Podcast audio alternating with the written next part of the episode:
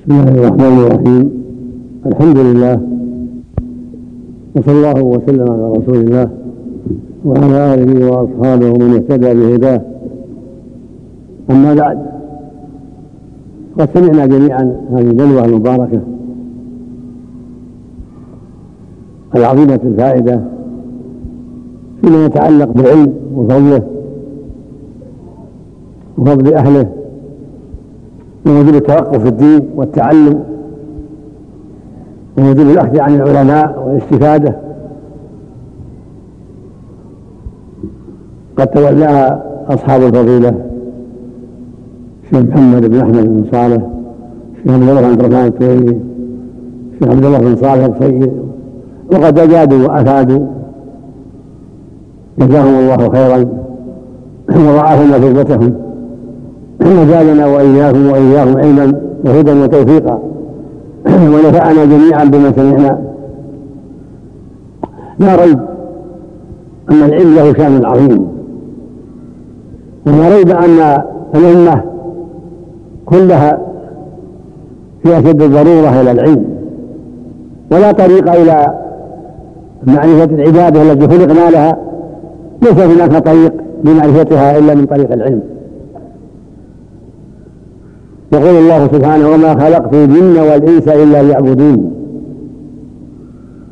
ويقول جل وعلا يا أيها الناس اعبدوا ربكم. ويقول عز وجل إن الدين عند الله الإسلام.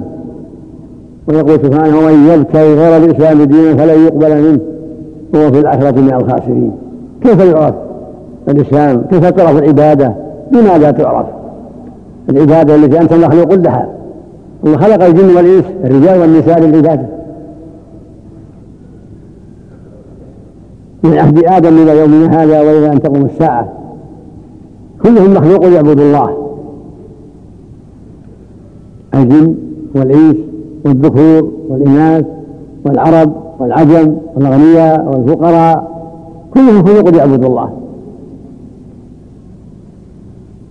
قال الله أرسل الرسل وأنزل الكتب لبيان هذه العبادة. والعلماء هم خلفاء الرسل. الرسل بينوا في زمانهم وبين أصحابهم ونقلوا عنهم أصحابهم ما بينوا ثم ورث أصحابهم أهل العلم بعدهم وهكذا أهل العلم يتناقلون أهل العلم إلى يومنا هذا. من كتاب الله العظيم القرآن ومن سنة رسوله صلى الله عليه وسلم الصحيحة وهي الأحاديث التي جاءت عنه صلى الله عليه وسلم من فعله وقوله وتقريره. فلا طريق إلى معرفة العبادة إلا هذا الطريق. فالواجب على جميع المكلفين التفقه في الدين وأن يتعلم ما لا يسعه جهله. كيف يعبد ربه؟ ما هي العبادة؟ التي أنت مخلوق لها. لست مخلوقا عبثا. قال تعالى أيحسب الإنسان أن يترك سدى؟ يعني مهملا معطلا. لا ينظر ولا لا مخلوق مكلف مأمور منهي منهي.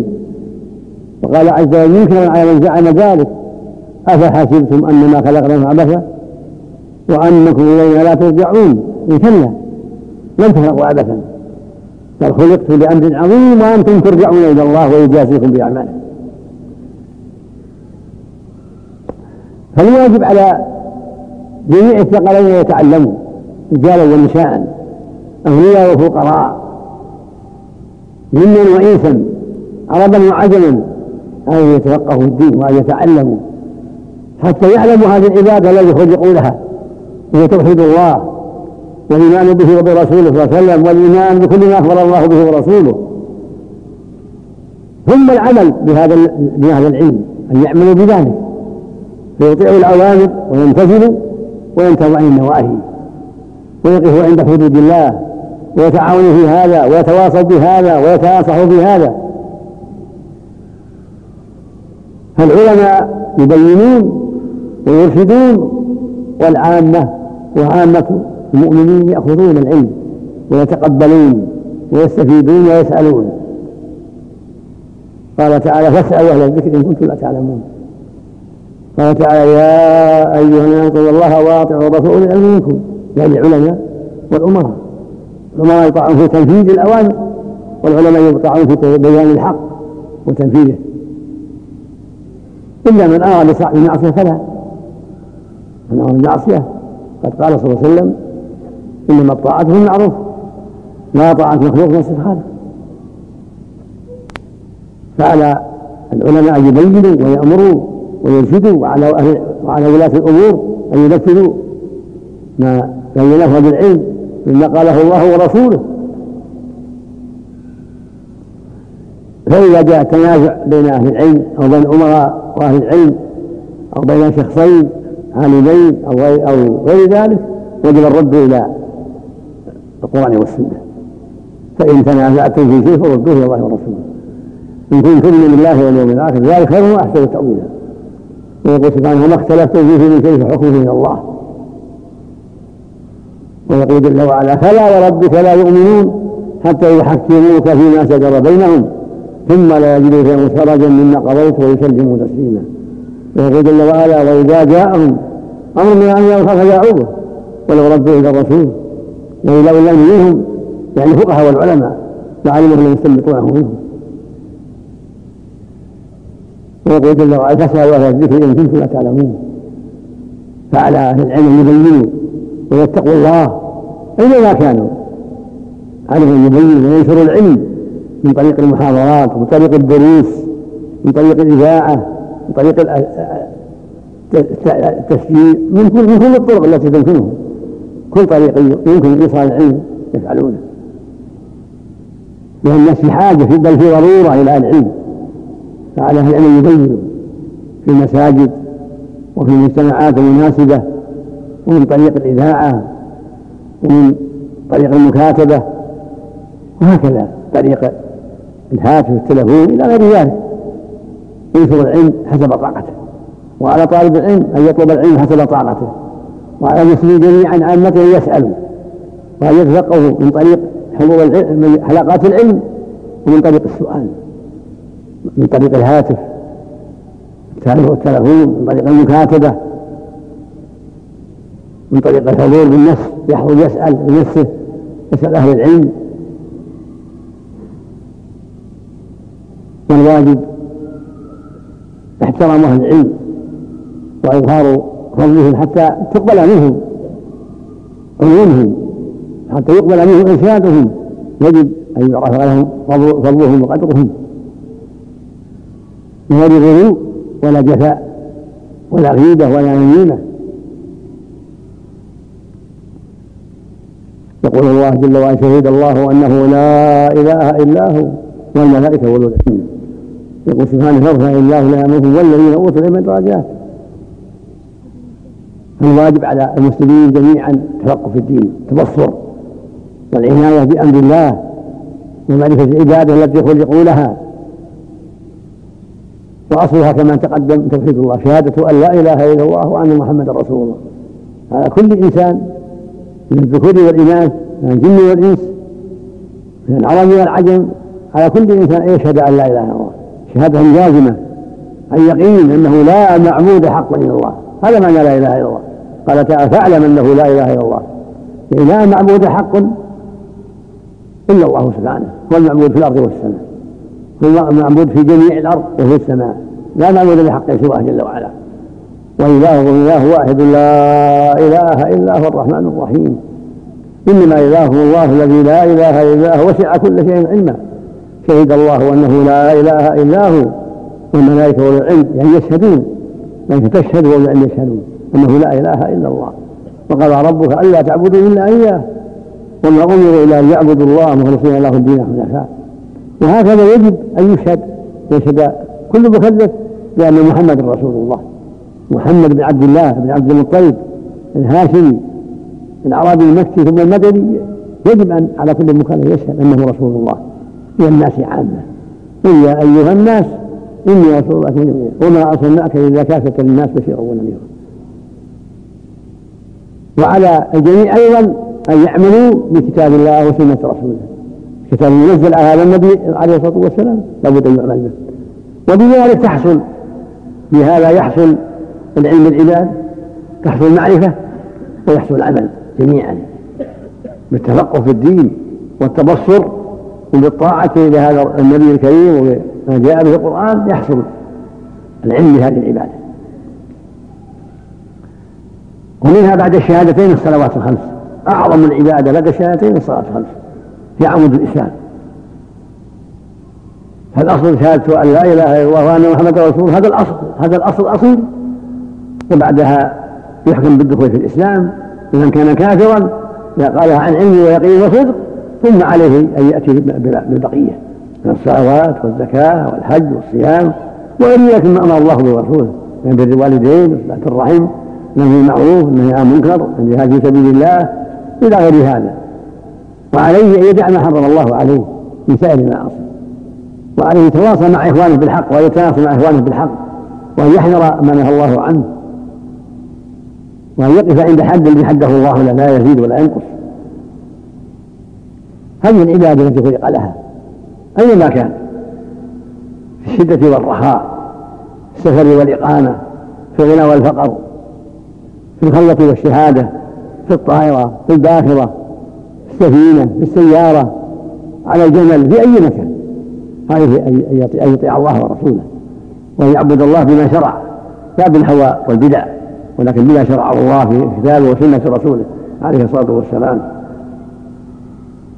وعليه يتحرى على السائر وعلى عامة المسلمين يتحروا أهل العلم يسألوهم من عرف بالعلم والفضل والتقوى. يسأل.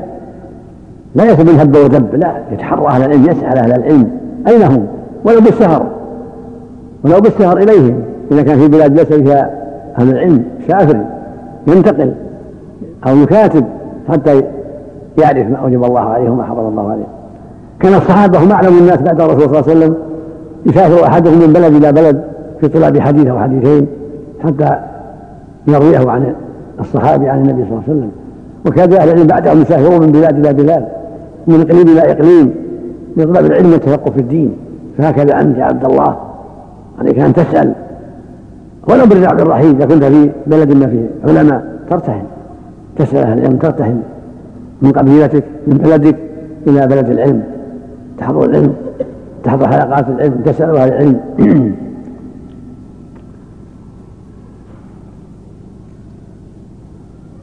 لأن ربك يقول فاسألوا أهل الذكر أهل الذكر أهل العلم.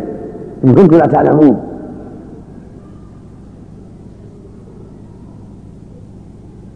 ولا بد أيضا من العمل سؤال مع العمل.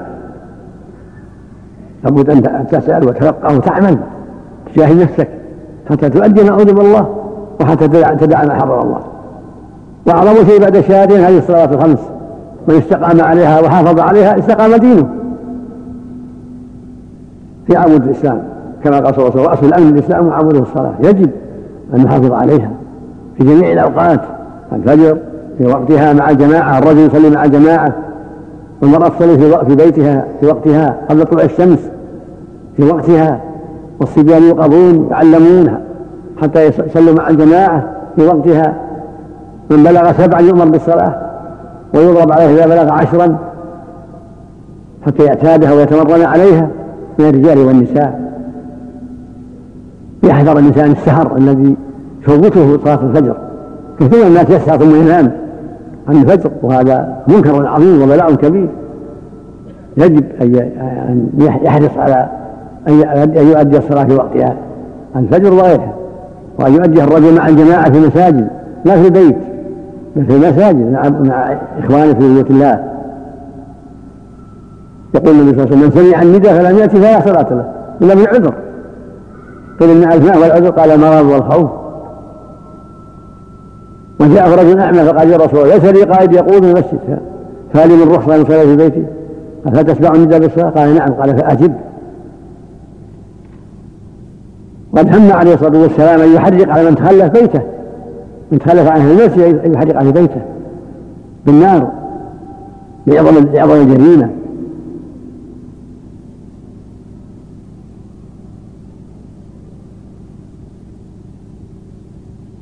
فالصلوات عمود الإسلام. يقول النبي صلى الله عليه وسلم من حفظ عليها كانت له نورا وبرهانا ونجاة يوم القيامة. ومن لم يحافظ عليها يكن له نور ولا برهان ولا نجاة وحشر يوم القيامة مع فرعون وهامان وقارون وبين بن نسأل الله العافية. وكان عمر رضي الله يكتب إلى عماله إلى أمرائه ويقول إن أهم ما أملكم عند الصلاة من حفظها حفظ دينه ومن ضيعها فهو لما سواها أضيع ويقول مسعود رضي الله عنه لقد كان الرجل يتابع يهادى من الرجلين؟ حتى يقع في الصف يعود له حتى يصل الصف من حرصهم على الجماعة. قال ولقد رأيت يوم يتخلف عنها يعني الصلاة الجماعة إلا منافق معلوم النفاق. وهكذا الزكاة حق الله حق الله في المال. يجب الحرص على أداء الزكاة إلى مستحقيها. كل حال الحول وجب أن تؤدى الزكاة وأن يلتمس الفقراء والمستحقين حتى يعطيهم حقهم. وهكذا أهل الثمار الزروع ثمار من التمر والعنب على أهلها أن يؤدوا حق الله. وهكذا صوم رمضان بلغنا الله والمسلمين صيامه يجب العناية بهذا الأمر وأن يصومه وأن يعتني حتى لا يجرح صيامه بالمعاصي. يعتني بالصيام ويصوم صيامه عما حرم الله كما قال النبي صلى الله عليه وسلم في الحديث الصحيح من صام رمضان إيمانا واحتسابا غفر له ما تقدم من ذنبه. فلا بد من العناية بهذا الصيام. يكون الانسان عنده عناية تامة في صيام رمضان حتى لا يكون فيها غيبة ولا نميمة ولا شيء من المعاصي. بل يصوم صيامه عما عما حرم الله عليه. ويجتهد في أداء ما أوجب الله عليه من الصلوات وغيرها. وهكذا الحج وغير ذلك مما أمر الله. الإنسان يتعلم ويتبصر ثم يؤدي الواجبات كما أمر الله.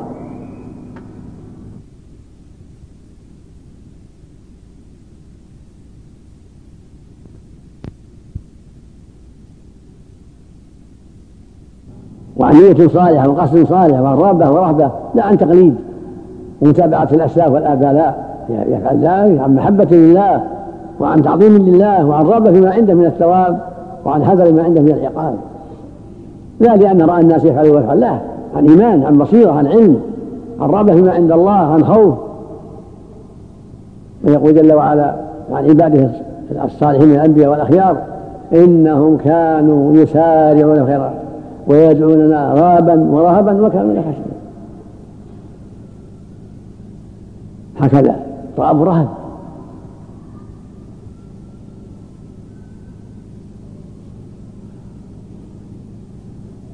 ويقول جل وعلا أولئك يدعون يبتغون ربهم وسيله أيهم اقرب ويرجو رحمته ويخافون عذابه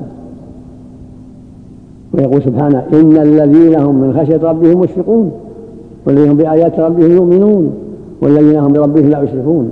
والذين يؤتون ما آتوا وقلوبهم وجله أنهم إلى ربهم راجعون. أولئك يسارعون الخيرات وهم لها سابقون.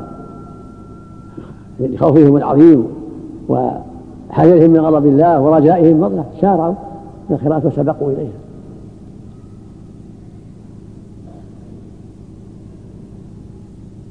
وهكذا في الصيام يحذر.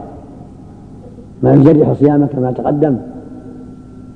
سواء صوم فريضة أو كفارة يكون حريص على صيانة صوم لكن يوم صوم أحدكم فلا يرفث ولا يسخب فإن سابه أحد أو أو قاتل فليقل إني صائم. الصيام جنة لابد من العناية بهذه الجنة. ستة لك من النار إذا صنتها وحفظتها. ويقول صلى الله عليه وسلم من لم يدع قول الزور والعمل به والجهل فليس لله حاجة في أن يدع طعامه وشرابه. المقصود أن تصوم صياما مصونا تخاف الله فيه وتراقب الله وتحذر ما يجرح هذا الصيام من المعاصي والسيئات والكلام السيء من غيبة أو نميمة أو كذب أو سب أو غير ذلك.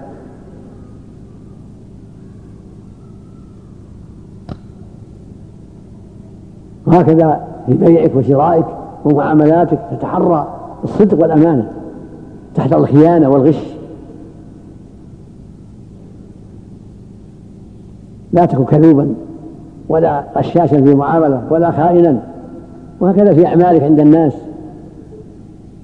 في بناء أو بيع أو شراء أو غير ذلك تكون ناصحا أمينا تحذر الغش والخيانة. هكذا المؤمن. إن الله يوم أن تؤدوا الأمانات إلى أهلها. يا أيها الذين تخونوا الله ورسوله تخونوا أماناتكم وأنتم تعلمون الواجب على المؤمن يتميز بتقوى الله يتميز بالخوف من الله يتميز بالحذر. من الغش والخيانة في أي عمل سواء كان يعمل لنفسه أو لغيره. لا بد يتميز بأداء الأمانة في ما يبيع على الناس وفيما يعمل للناس سواء كان في عمل الحكومة أو عمل غير الحكومة يجب أن ينصح ويحذر الغش والخيانة. الدين النصيحة.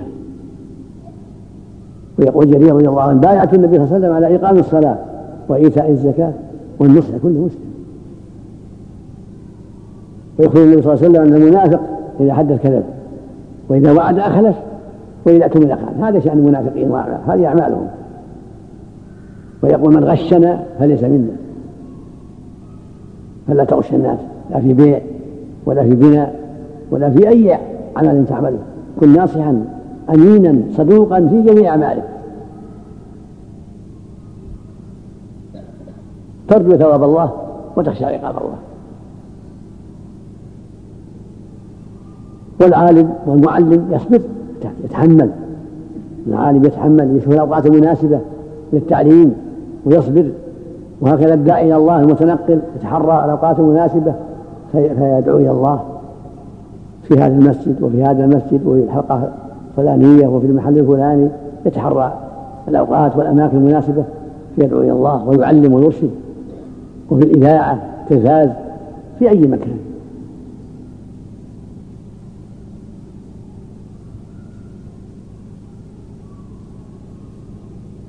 وطالب العلم يحرص على المتون التي يوجهها يوجهه الأستاذ إليها يحفظها ويعتني بها ويعتني بالقرآن حفظه وتدبره بحفظه وتدبره.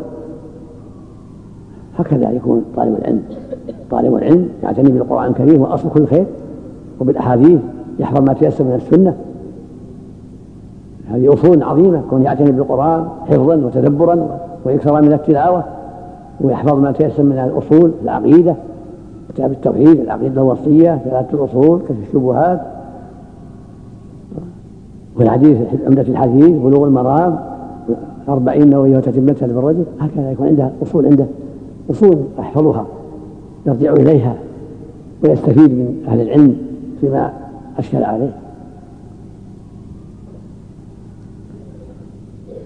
والمقصود أن هذه الدار هي الدار النعيم هي دار الإخراج إلى البطالة والشهوة لا هي دار العمل هي دار الابتلاء والامتحان. أنت فيها عامل أنت في دار العمل. دار الإعداد للآخرة قبل أن ينزل بك الموت. فاحرص على أن تعد العدة الصالحة التي ترجو بها النجاة وتؤدي بها الواجب وتحسن بها إلى عباد الله حسب طاقتك والله المسؤول أن يوفقنا وإياكم لما يرضيه وأن يصلح قلوبنا وأعمالنا جميعا وأن يعيدنا وجميع المسلمين من شرور أنفسنا وسيئات أعمالنا وأن ينصر دينه ويعلي كلمته كما أسأله سبحانه أن يصلح أحوالهم في كل مكان.